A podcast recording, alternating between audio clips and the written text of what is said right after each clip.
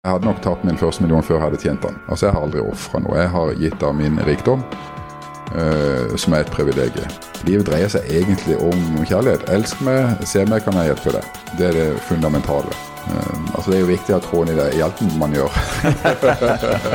Her er Stavrum og Eikeland, en podkast fra Nettavisen. Kurt Mosvold, du er da en av de største investorene her nede i Kristiansand. Og så er du ekstremt samfunnsengasjert. Og så har du forbindelser i nesten alle retninger, og da er det naturlig å spørre det som hele Norge lurer på. Hvordan har vi endt opp med det betente klimaet Kristiansand nå har blitt kjent for? Eh, Jeg tenker at det har litt med den tida vi lever i.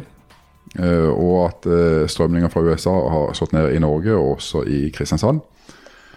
Og da er det jo eh, Han som står først i rekka der, er jo gjerne Donald Trump, som er et stort forbilde for hele verden, eh, med stor makt. Og når du ser på den karakteren der, så syns jeg det er litt eh, trist. Eh, etter at han eh, ikke anerkjente det valget, lovlige valget som de hadde for eh, ja, forrige valg. Og ikke at, at de ikke republikanerne har tatt avstand fra han. Han er den første president som noen gang ikke har anerkjent et lovlig valg. Uh, og når han i tillegg oppfordrer til den uh, storminga av Kongressen uh, Når 50% av republikanerne fortsatt støtter han, da blir jeg litt engstelig. Men hva er det du ser som er likt Kristiansand og Trump? Nei, altså Det er konspirasjonsteorier uh, som florerer. Og så eh, holder de seg ikke til sannheten. Eh, det, det har også slått ned eh, i Kristiansand. Men, men, Fake det- news det kom jo først og fremst sammen med Donald Trump. Men, men, men er ikke dette altså Når du ser Trump og du ser brexit og du ser det som skjer i Kristiansand, at dette er den politiske arrogansen eh, som har oversett vanlige folk? Og, og, og, og, slipper til denne type folk. For det er jo galskap, selvfølgelig, det som skjer. Ja. Men, men har vi lært noe av dette? At uh, vi må ta vanlige folk på alvor? Altså sannheten eh, På sosiale medier så er sannhet litt sånn eh, det, det er lett å, å fare med løgn og sladder. Som ikke kan sjekkes opp. Altså Fakta kan ikke sjekkes opp på samme måte. Før hadde du BBC, du hadde NRK. og liksom Det var færre medier, og de måtte liksom stå, stå for noe. Eh, jeg er jo glad for Hadde en person som Donald Trump holdt på i Norge, så hadde han fått sparken for lengst. Så heldigvis så henger vi altså, Han hadde ikke hatt sjanse i Norge, og, det, og også i Europa for øvrig. Vil jeg mene. Du, du blir jo dratt inn i dette. altså Du, du er på en måte, du, du, bekrefter jo på en måte stereotypiene til motparten. Sant? Du er en kristen forretningsmann, du driver med eiendom i, i, i Kristiansand og kjenner alle. Det er jo lett å tenke at det er på en måte et nettverk av gutta boys som bestemmer den byen. Ja. Og, og det har jo jeg også Altså eh, Sørlandsnyhetene, som var et sånt fenomen her der som fortsatt eksisterer, det, det var jo Du visste ikke hvem som skrev. Eh, og de farte med mye usannheter. Selvfølgelig så var det miks med sannheter også, men du visste aldri hva som var. Og da eh, var det jo kameraderi på høyt nivå som ble forfekta. Eh, og eh, et eksempel hvor jeg var involvert, eh, som vi- bygde en sånn klatrepark for, for, for, for, byen, på en måte. Det var et uh, privat initiativ. Jeg hadde ingenting med det å gjøre, bortsett fra å hente inn penger. Uh, og så ble det et byggestopp en periode på sommeren hvor det var veldig varmt. Uh, og så fikk de dispensasjon. Og da kunne man lese i Sørlandsnyhetene at Kurt Morsvold bare snakka med sin gode venn ordfører Harald Furre, og så kunne de fortsette. Jeg kjente ikke til denne saken før jeg ble tipsa om det i Sørlandsnyhetene. Så det er bare dikting, Det var dikting om kameraderi som bare var tull. Mm. Hvordan føles det å sitte på andre siden av sånne ting? Nei, altså jeg syns det Nå var det ikke med Jeg holdt en lav profil, for jeg orka ikke å, å bli Å involvere meg sånn Men, men det, jeg syns det var veldig trist å se på mange hedersfolk som har gjort mye bra for byen, ble rakka ned på. Uh, altså Både ordfører, havnesjef og mange fikk gjennomgå på en uh, svært utidig måte. Ja, for det, det var uh, regelrett mobbing av folk. Det var trakassering. Og, og, og det gikk jo såpass langt at det påvirka jo det forrige valget? Altså, Ja, i, i veldig stor grad. Eh, Det var ikke det alene, det var strømningene også, for det men dette var jo virkelig med å påvirke. Det Det er over 20 000 følgere.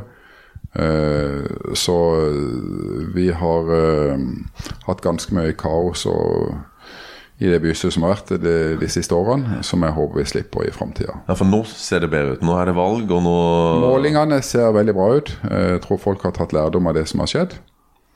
Eh, Så eh, nå ser det mye bedre ut. Eh, vi må snakke litt om deg som person. Du har jo en idrettskarriere. Eh, folk ser jo på deg, du er jo lang som et, eh, som et fjell. Og du sto i mål i, i KIF, du var jo på Eliteserien. Hvor langt kunne du ha gjort deg i håndball? Kunne du blitt landslagskeeper? Jeg kunne nok blitt proff, det vil jeg nok. Nei da. Jeg, jeg hadde Jeg, jeg var, jeg var ti, litt sånn omstendighet gjorde at jeg kom tidlig med. Så jeg spilte elitehåndball fra jeg var 16 til 18. Så hadde jeg to sesonger. Eh, Så flytta jeg til USA for å studere, så da ble det jo litt eh, slutt på den tidlige karrieren. Men eh, vi vant sluttspillet en år, og det er jeg jo litt stolt av. Eh, jeg, tar alltid og erter de fra ØIF Arendal, for de har aldri vunnet sluttspillet. De har vunnet cupen og serien, men ikke sluttspillet. Så det, eh, det er jo vi litt fornøyd med, da. Så det, det hører med til historien at han fortsatt går ned i spagaten. Gjør du det? Ja, jeg, altså ikke helt, men jeg er ikke så langt unna. Eh, Og jeg har jo vært litt aktiv med eh, Altså, jeg er jo hovedsponsor til Kristian Topphåndball i dag, hvor jeg også var med og tok initiativ til den satsinga for fem år siden. Og jeg er jo aktiv i markedsarbeid også, men eh, det gøyeste er jo å være på banen med gutta. Og jeg har jo trent med dem i en god del i, begynnelsen, og hadde vel min siste trening i fjor med, med gutta. Gunnar, vi, vi trener litt på spagaten før golf. Men det, um, men det, um, det sies jo at gode håndballkeepere de, de syns det er ok å få ballen i trynet hvis det, hvis det redder et mål. Ja. Eh, Hva var din følelse rundt det? For det er vondt. Ja, ja, men altså du blir også vant med det. Eh, Så, så jeg, jeg er ikke redd for å få ballen i ansiktet når jeg, når jeg står i mål. Det var litt verre da jeg var yngre. eh, At du trekker deg litt, men, men eh, du må ikke snu deg. Når, når, når, de hopper inn her, så må du stå. Og Det viktigste er å redde ballen, ikke hvor- hvor han havner. Den følelsen, eh, kan du bruke den i forretningslivet? Altså, det er jo litt så balansert, for uh, det å være for uredd som investor, det kan være litt farlig. Det å være en arrogant investor, det er en farlig investor. Uh, som gjerne går på en stor smell. Men eh, jeg synes vel det der i for, Jeg har alltid vært fascinert av lag. Lagidrett. Det syns jeg er fascinerende. og de lagene som gjør det godt, de har, et, de har først bygd opp et lag utenfor banen. Eh, og greier du det, så får du også et lag på banen som er godt. Det henger vel nøye sammen. Men har du gått på, på Har du fått på ballen i trynet i Ja, forretningslivet? I forretningslivet. Ja, opptil flere ganger. Eh, Jeg hadde jo min eh, Jeg var så heldig å arve noen aksjer i børsnoterte Moss Shipping på tidlig 90-tallet. Og, og, da var vi liksom Jeg jobba i shipping i London og tenkte jeg skulle inn i rederiet. Ja. Og når jeg eide kun 5 av aksjen, så var det litt lite. Så aksjekursen hadde vært oppe i 100 kroner, falt til 50. Og så tenkte jeg jeg girer meg opp litt, så jeg, kjøp, jeg girte meg opp med 20% belåning. Og så eh, litt senere så falt aksjen ned til 10 kroner, og de som kan regne, forstår da at man er i null. Og så falt aksjen ned i 6 kroner, da var man i minus, så min arv var jo på minussida. Heldigvis så fikk jeg litt sidesikkerhet, så jeg slapp å selge. Men eh, i løpet av seks måneder steg aksjen fra 6 til 60 kroner. Og da solgte jeg ut litt og kjøpte mine første tre eiendommer i Oslo det i går med 68 leiligheter. Eh, siden det så har jeg vært ganske bra diversifisert. Så kortversjonen er at rederarvingen uh, tapte arven, uh, kjøpte seg eiendom og kom på trygt eh, land. Ja, altså det som er altså Det er jo en, en, en vits som sier at uh, den beste måten å bli millionær på, er jo å starte som milliardær. det, det gjorde jeg ikke, men, uh, men jeg hadde nok tapt min første million før jeg hadde tjent den. Ja.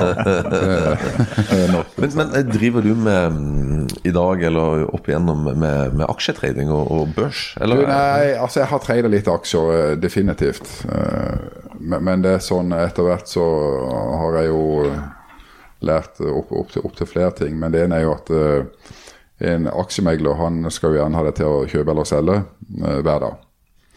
Eh, og jeg har ikke noe Til slutt er det bare han som sitter igjen med kurtasjen og tjener penger, mens man i beste fall følger indeksen. Så eh, de få gangene jeg kjøper aksjer nå, da er det langsiktige plasseringer. Ikke basert på eh, aksjemeglere, det må heller være fra noen analytikere. Eller at jeg har inngående kunnskap om det selskapet det handler om. Så med andre ord investere i noe du kan, rett og slett. Eh, riktig. Så i dag sitter jeg kun på aksjer i Sats. I, i Sats, ja. ja. Som har fått seg en uh, god nedtur i de siste årene, men den er nå på vei opp. Så. Men da har du gira opp nå på bunnen? Eller? Nei, men aksjen er oppe 28 kroner. Jeg kjøpte meg inn på 7 kroner for Oh, ikke ja. så lenge siden, eller for et halvt års tid siden. Og nå er den vel i ja, 11 kroner pluss minus, så er jeg ganske sikker på at den skal godt videre opp. Hvordan foregår business i en eh, veldig liten storby som Kristiansand? Eh, Det er jo ikke så mange som er eh, store og aktive i eiendomsmarkedet, og det må jo være ganske nære forbindelser til det politiske miljøet. Altså i hvis, altså, hvis du driver eiendomsutvikling, da, er jo, da må du være tett på det politiske miljøet. Og vår strategi er egentlig ikke å drive eiendomsutvikling, men eiendomsforvaltning og besittelse. Men så er det sånn at av og til kjøper vi eiendommer hvor noe tomt tomter følger med, eller man ønsker å bygge om.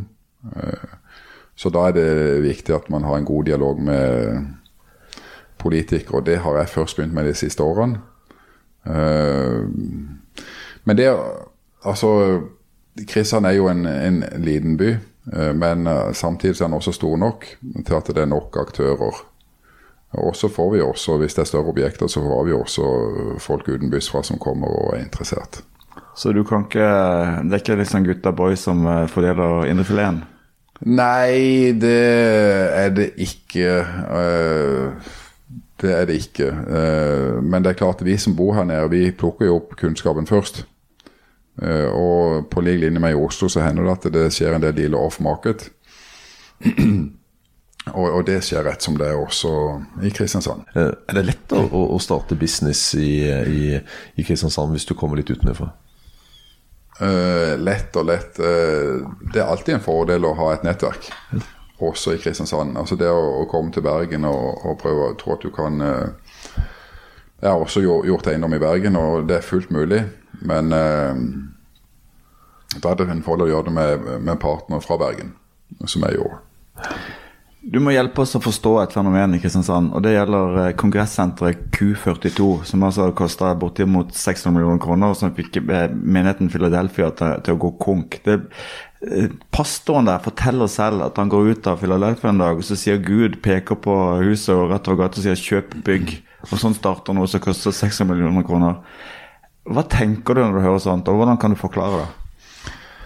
Jeg tenker at Gud har skapt oss med sunn fornuft, og da er det viktig at vi bruker den. Eh, Og så er det jo en utfordring for at man skal liksom handle i tro, men jeg tenker en kombinasjon er jo eh, absolutt det som jeg foretrekker. Eh, Tar du den slags beslutninger selv? Jeg handler kun hvis it makes sense. Altså Sånn som jeg ser på det. Altså Hvis ikke det henger på økonomisk greip, så eh, Altså Det er jo viktig å ha troen i det i alt man gjør. Men, men, men du er jo en samfunnsengasjert person. Eh, og Blant annet så var du ute tidligere i år uh, rundt uh, narkotikabruk blant unge. Eh, Da var det kokain og, og, og russ. Ja.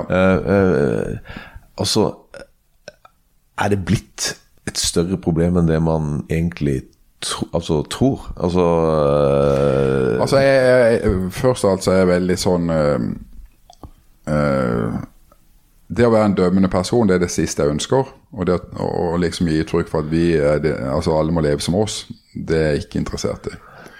Men på noen punkter så må man ta et standpunkt, og når det gjelder narkotika, da er vi veldig tydelige. Og akkurat i dette tilfellet så hadde vi gjort en tjeneste for en russebuss, og lagra den for en billig penge. Og Forutsetningen var at de skulle være tydelige på narkotika, ikke bruke det sjøl og være et forbilde. Og Byen er ikke større enn at man fanger opp når 27 gutter eh, fester og har det moro. eh, så fikk vi tydelige signaler på at det her eh, var det nark.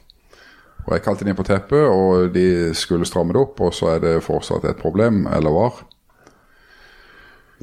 Og, og når vi sjekka grundig opp, så var det såpass utbredt eh, i miljøet, og ikke minst på den bussen, at vi valgte å ta det til media. Det var kontroversielt, men vi følte det var nødvendig for å skape en debatt, og det skjedde. Altså, uh, Dette er vel bare, kanskje ikke bare et Kristiansandsfenomen, men det er, ikke. Ikke det er jo mye som bl.a. skjer i Oslo. Ja, ja, altså Strømninger fra USA de kommer til Norge, men de kommer først til Oslo. Og så kommer det til resten av landet. Så, så det er klart at det er jo et varsko hvis at du Altså russebusser er et varsko i forhold til bruk av kokain. Ja, men altså, du, du, får det jo, det er jo enkelt å få tak i. Det er jo bare på WhatsApp eller på Instagram, så, så har du levert kokain på døra. Det, Fryktelig lett. Ja. Eh, Og da tenker jeg, gjør myndighetene nok? Nei. De, Jeg mener definitivt at uh, altså rusreformen, eh, uten at jeg kan det detaljert den uh, Altså eh, Det må få en konsekvens. Når folk eh, er, bruker eh, kokain, så må det ha en konsekvens. Eh, Trussel om at eh, de, kan, de kan få det på rullebladet, de kan komme inn i militæret, de kan ikke få visum i USA. Altså Det må være noe som eh, Det må ha en konsekvens. I dag er det for enkelt. Ok, men Hvis vi snakker generelt sett da, om, om unge i dag eh, eh, Er det for Altså, konsekvenser er det, Ser de for lite til konsekvenser? Har, har de hatt det for godt opp igjennom? Og så når de da blir voksne, så møter de den virkelige verden, og så Oi! Uh, Altså, jeg, har jo ikke, jeg har ikke lyst til å være sånn gammel gubbe som, som er Du sitter her med to andre gamle ja, gubber. Ja, ja, Snakk for deg selv. Men, men det er jo tydelig altså, Jeg, jeg snakker med ei som har eh, driver en del sånn uh, gatekjøkkener i byen. Etter pandemien så er det nesten håpløst å ansette norsk ungdom. Hun setter, ansetter nesten bare flerkulturelle, for at de er blitt for slappe. Eh, det finnes utrolig mange flotte ungdom, men eh, det er klart at eh, det er blitt litt Det kan nok En oppstramning i noen felt kunne nok vært fornuftig. For nå har vi jo på Nav, så er det jo Jeg tror det er, er det 800 og ja, Ca. pluss-minus 800 000 nordmenn som, som får sitt uh, hovedinntekt fra Eller penger til livsopphold da, fra, fra Nav. Uh, er systemene blitt eh, for, altså rett og slett for gode. Altså de er bra for de som virkelig trenger det, men at, at de er blitt for gode, at det er for mange som, som ender opp der. Jeg syns jo det er veldig synd. Altså, nå sitter jeg jo med god helse sjøl, så det er litt sånn vanskelig å, å sitte og kritisere eller uh, prate ned folk som er avhengige avhengig av det, som virkelig trenger den hjelpa. Men jeg tror nok det er blitt litt uh, slakt. Og det, hvis en sammenligner med Sverige og Danmark, så ligger vi langt over. Uh, så um, jeg tror nok det er litt for mange som utnytter systemet. Du, du har jo vært opptatt av, eh, av eh, veldedig arbeid. eh, og Hvis du ser på, på de sosiale og økonomiske forskjellene i Kristiansand eh, Det har vært en serie artikler om det. eh, hvordan oppfatter du Kristiansand? Er det store forskjeller i den byen? Ja, altså Først av alt så må jeg jo si at jeg har jo eh, bodd litt rundt i verden. Og jeg, synes, jeg er jo veldig glad i den norske modellen med sosialdemokratiet. Hvor forskjellene er mye mindre enn det vi opplever andre plasser. Det er en, en suksess, sånn som jeg ser på det. Eh, Men et system vil aldri eh, fange opp alle. Eh, Og jeg registrerer at det er en del som som, som sliter nå. Det er veldig leit, så jeg håper at vi kan At det kan bedres. Jeg ser jo ganske nylig nå jeg har sett i media boforholdene er jo fryktelige for en, en god del i, i vår lille by. eh, Som jeg gjerne skulle sett at var annerledes. Eh, Oppfatter du at det er eh, Det har vært en diskusjon rundt liksom, hva er forpliktelsene hos folk som sitter godt i det, til å bidra i veldedig arbeid? Eh, eh, Føler du at det en, en, at det er en ting som man får anerkjennelse for, eller er det litt, eh, en ting som man ikke får anerkjen- anerkjennelse for? Eh, jeg, føler at, det, at man får anerkjennelse for det, men eh, jeg tenker at eh, folk som er blitt gitt mye, det gjelder både materielt og i form av ressurser man har som person, skal det også kreves mye av. Altså jeg forventer mer av folk som eh, har hatt en god oppvekst som ressurs. Og folk som sitter med midler, forventer jeg mer av. Og det er et privilegium. Folk som har anledning til å bidra, det er et privilegium. Altså jeg har aldri ofra noe. Jeg har gitt av min rikdom, eh, som er et privilegium. Og da kan man være med å påvirke ting eh, på en positiv måte, sånn som jeg, jeg ser det. Om det er sosialt arbeid, eller om det er idrett som jeg brenner for, eh, så er det et veldig stort privilegium. For meg har det aldri vært et offer, et åk, at jeg har arva midler, eh, som det er kanskje for noen. Det var litt slitsomt uh, når du var i minus. Ja, det da var- var det, da det- tenkte det- jeg det var "Hva, bare- Hvorfor var de pengene? Det var veldig selvgjort. Jo, jo. Det var det. Men, eh, men, men jeg tenker at eh, folk som er heldige og arver midler, det er et stort privilegium. Du Jeg, har, jeg har lyst til å bare dra deg inn i den politiske prosessen akkurat nå. Um, har du regna på hva du ville tjent på å flytte til Sveits? Har det vært aktuelt for deg? Nei, det har aldri vært aktuelt. Uh, det har det ikke. Og jeg, jeg har ikke regnet på det. Eh, men eh, jeg, jeg har forståelse altså Nå, nå syns jeg at dagens regjering har strukket strikket eh, altfor mye. Og så er det gode og solide folk som har flytta med masse risikokapital. Eh, og, og det er klart, eh, sånne eksempler når folk sitter med 10% i et milliardkonsern og ikke kan styre utbytte fra det selskapet, og så må de drive og selge aksjer for å finansiere eh, formuesskatt. Det er klart at det, det blir vanskelig. Et eh, forslag nå nylig har jo vært på en måte å bytte eh, formuesskatt med arveskatt. Hva tenker du om det? Nei, jeg syns de er inne på noe. Det syns jeg. Og jeg, og jeg, har, og jeg er absolutt jeg er tilhenger av, av, formuesskatt altså formuesskatt også, men, men de har str- strukket seg ikke for langt. Altså, De må ned på et nivå som, eh, som er akseptabelt. men eh, med en arveavgift altså Hvis du f.eks. arver en stor bedrift her, eller en fabrikk eller et eller annet med masse ansatte, og det er det som er hovedgreia eh, altså 30 arveavgift. Altså, da kan du ende opp med at eh, ting må selges, eller du må ja, altså, Da får du inn kanskje eksterne eiere som ikke har den passion for, for, for eh, fabrikken og langsiktighet. Ja, jeg, har, jeg, har ikke, jeg har ikke noe svar på det. Jeg, jeg syns det er veldig komplisert. Og, det, og uansett hva regler de lager, så vil det slå uheldig ut for noen. Men det er klart at, du, at hvis du arver en bedrift, så kan du ikke skatte 30 og selge under. Det, det, det er ikke mulig. Har, du, du har barn? Ja. Hvor mange da? Fire. Fire. Uh, har de uh, Er arveprosessen i gang? Uh, er den gjennomført? Hvor ligger man an? Så fort de ble født, så fikk de sin del av arven. Jeg delte faktisk min arv i fem. For jeg tenkte at i beste eller verste fall så var jeg fem unger. Så du ligger en bak? Sier- er det en Nei, appeklapp på nei, gang? nei, Det, det, det betyr at jeg fikk fire, så jeg sier den med en femtedel sjøl. Men jeg sier det jo med avstemme og utbytte aksjer. Så okay, Ok, så arveavgiften berører ikke deg så mye, da? Før om 40 jeg vet ikke, uansett hva de gjør med arveavgiften, så har jeg allerede tatt vare på den. Men, uh, men, men som sagt, formuesskatten det, det strikker jeg strukket for langt. Uh, Men litt, litt til fenomenet arv. For dette tenker, Du har jo et bysbarn eh, som er leder for oljefondet. Han som forvalter vår felles arv, som gikk ut veldig tidlig og sa at han var imot arv. Eh, og arv Du har opplevd selv på en måte pro og kontra med det å arve. Eh, er arv bra? Er det bra at man arver en svær formue og um, fester den bort? Nei, det er ikke bra hvis man fester den bort. Nei, altså det, Hvis at du tar eh, Hvis du er ansvarlig, så, eh, så er det jo positivt. Altså, men, men det er klart, det er jo Livet handler litt sånn flaks-uflaks. Altså, hvilke, når jeg fylte 50, så gjorde jeg en del refleksjoner. Og det var at eh, det er veldig mye i livet som er flaks-uflaks. Hvilket land du er født i, flaks-uflaks. Hvilke foreldre du har. Hvor du vokser opp. Hvilke nabolag. Og også litt i forhold til valg av livspartner, uh, uavhengig av kjønn. Uh, utdannelse, jobb du havner i. Uh, altså Etter hvert så kan man heldigvis påvirke mye. Men flaks uflaks det er Altså jeg, jeg tenker at jeg prøver å legge ned en god innsats sånn at mine barn skal få det godt. Eh, og så er det ikke de seg sjøl, det er jo flaks uflaks som gjør at de, de ender opp med noe.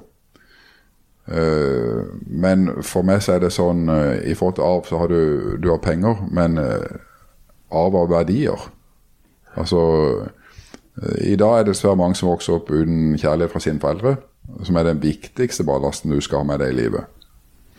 Glem pengene, for, for, for det er liksom Det er det livet Altså sånn Livet dreier seg egentlig om kjærlighet. Elsk meg, se meg, kan jeg hjelpe deg. Det er det fundamentale.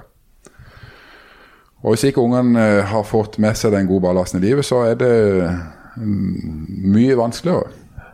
Det, det, det er riktig. Men jeg tenker sånn at det må jo være eh, et relativt stort press som, som, som eh, arvingene får. Altså, din bestefar Torry var jo en legende innenfor shipping. Din far tok det videre. Du kom inn og måtte Ok, nå må jeg prestere! Jeg kan ikke bare waste bort alt dette. Og nå har du gjort det bra, og så nå har du kidsa dine som Ok, ja. ok, eh, dette blir eh, ja, litt press, da. Du, du er ikke redd for at det, det blir vanskelig, da? Nei, eh, altså jeg ser at i noen familier kan det bli press, og det kan også bli veldig mye ubehageligheter. Og hvis det er et eh, rederi eller et stor bedrift, så kan det også bli splid. Og sånn at det som skulle vært en velsignelse, at du arver kapital, blir en forbannelse. Så, så det har jeg jo sett mange andre plasser. Vi har hatt våre utfordringer. Eh, men jeg tenker at eh, altså Mine foreldre la aldri press på meg noe som, på, på noe som helst måte. Hva jeg skulle gjøre, og hvordan jeg skulle forvalte. Eh, jeg sto helt fritt. Og jeg har aldri lagt noe press på mine unger. Jeg har to, jeg er sosionom, og, og jeg jobber som eh, i en eh, barnehage hvor hun har et eh, ansvar. Eh, og eh, hun som jobber i barnehage, hun har faktisk den viktigste jobben eh, i familien.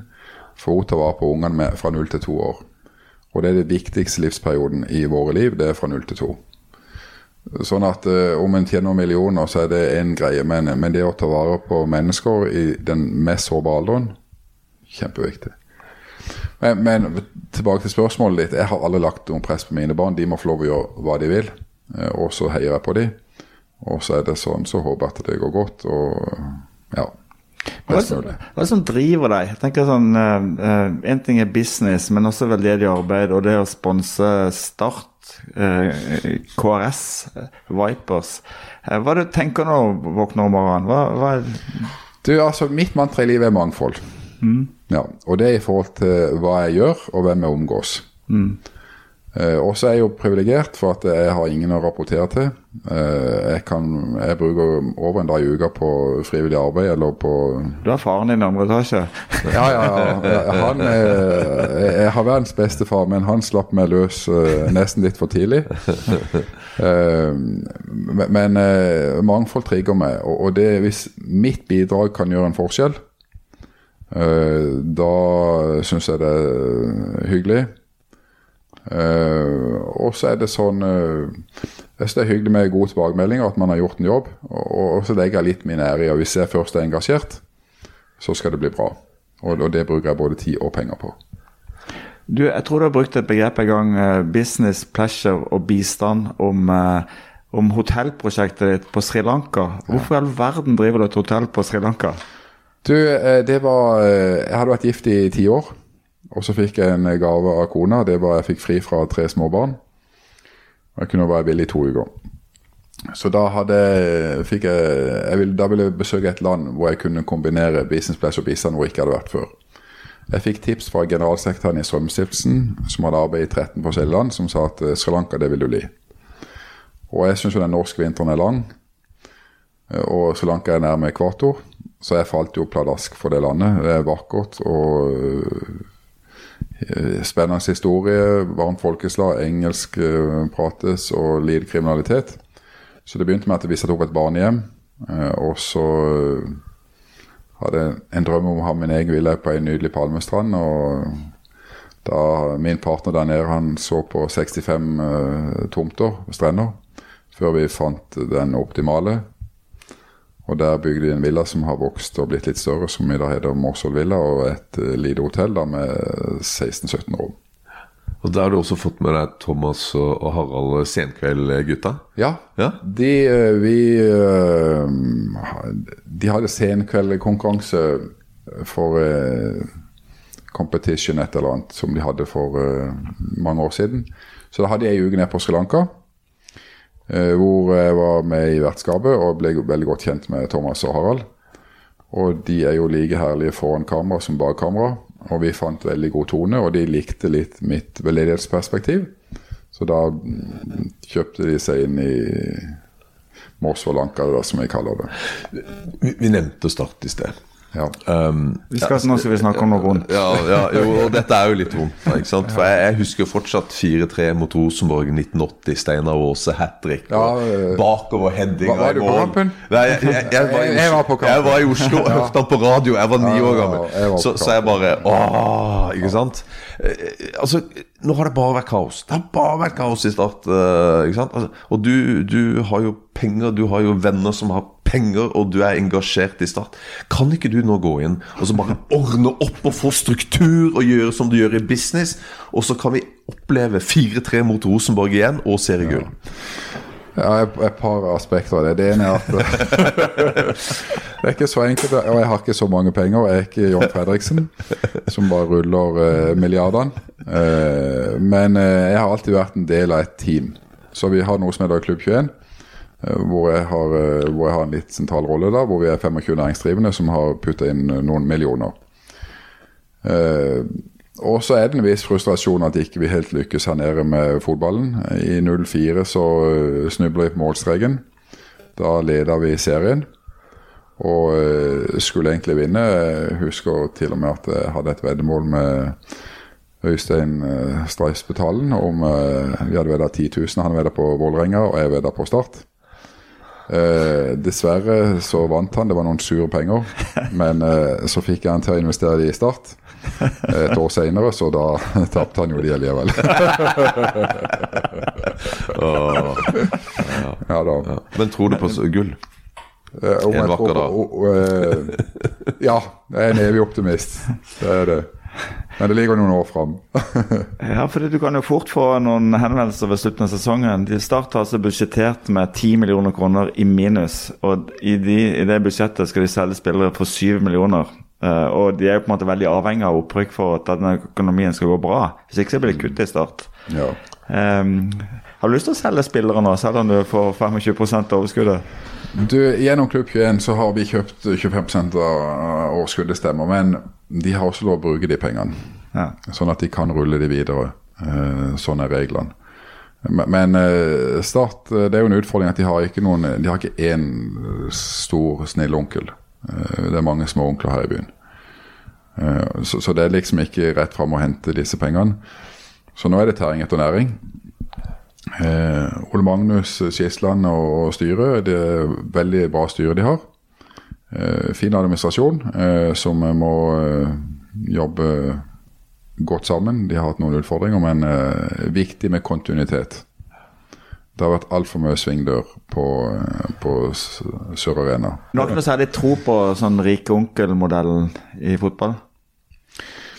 Eh, både ja og nei. For at du, når du ser på Molde, som eh, Jeg vet ikke om de fortsatt får 20 millioner i året av Røkke, men eh, og, og Vålerenga har jo hatt eh, både den ene og den andre som har dytta inn penger, og, og Brann har uh, ganske rike onkler. Så er det sånn uh, I Norge så er det nesten en forutsetning for å lykkes. Rosenborg har jo også hatt det. Uh, det fins unntak. Altså, altså Når Leicester vant i, i England, så ser du at det er mulig. Når Bodø-Glimt har kommet opp sånn som de har, så er det mulig. Men det er mer unntaket. Men det er noen mindre klubber som imponerer periodevis. Og så selger de noen spillere, og så går det som regel over styr. Men jeg er mektig imponert over det som Bodø-Glimt har fått til. Et avslutningsspørsmål. Det går på din person igjen. Altså, Du har en oppvekst i pietistiske Salem. Eh, nå sitter du her og forteller om eh, hasardspill og veddemål med Øystein Strauss Betalen. Eh, blir du sett på som en henfallen? Ja, jeg tror de fleste ser på meg som en frafallen i dag. Eh, nei, eh, altså jeg har eh, bevart min tro, selv om den er annerledes enn den var i min ungdomstid. Jeg syns jeg, jeg har tatt med meg det gode. Og, jeg ser på Jesus som et flott forbilde, og grunnverdiene fra, fra Bibelen syns jeg er bra. hva Jesus gjorde og sa. er Forbilde for, for mange, og også uavhengig av om man tror på en himmel eller ikke. Så det at man skal elske sin, neste som seg selv, og gjøre mot, uh, mot andre som man vil at andre skal gjøre mot deg, syns jeg er gode livsregler uansett. Tror du på helvete? Eh, når jeg var ung, så gjorde jeg det. Eh, I dag er jeg litt mer usikker. Ja. jeg håper på en himmel, og så vet jeg ikke hva det innebærer. Jeg, er veldig, så jeg har, jeg har sinnssykt mange spørsmål som jeg ikke hadde før. Så jeg er mye mer en undringsperson nå eh, enn jeg var Når du er ung, så er det svart-hvitt, du har masse selvtillit. Og, når du er eldre, så skjønner du egentlig livet du egentlig forstår. Uh, man blir mer ydmyk med årene, og jeg håper at jeg også er i den kategorien. Du fikk Stavrum og Eikeland, en podkast fra Nettavisen.